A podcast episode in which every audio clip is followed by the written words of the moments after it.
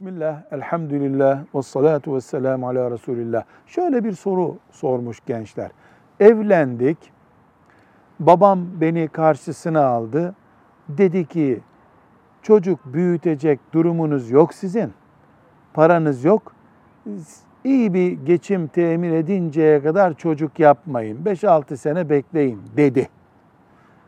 Ben de çocuk sahibi olmak istiyorum. Babam da hakkım kalır, helal etmem hakkımı diyor.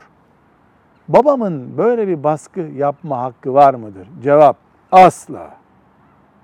Çocuğu yaratan Allah, rızkını veren Allah, evlenin, çoğalın diyen Resulullah'tır sallallahu aleyhi ve sellem.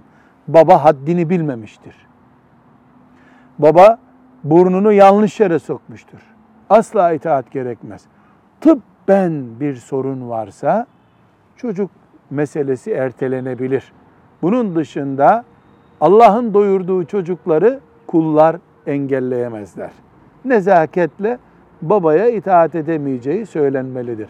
Velhamdülillahi Rabbil Alemin.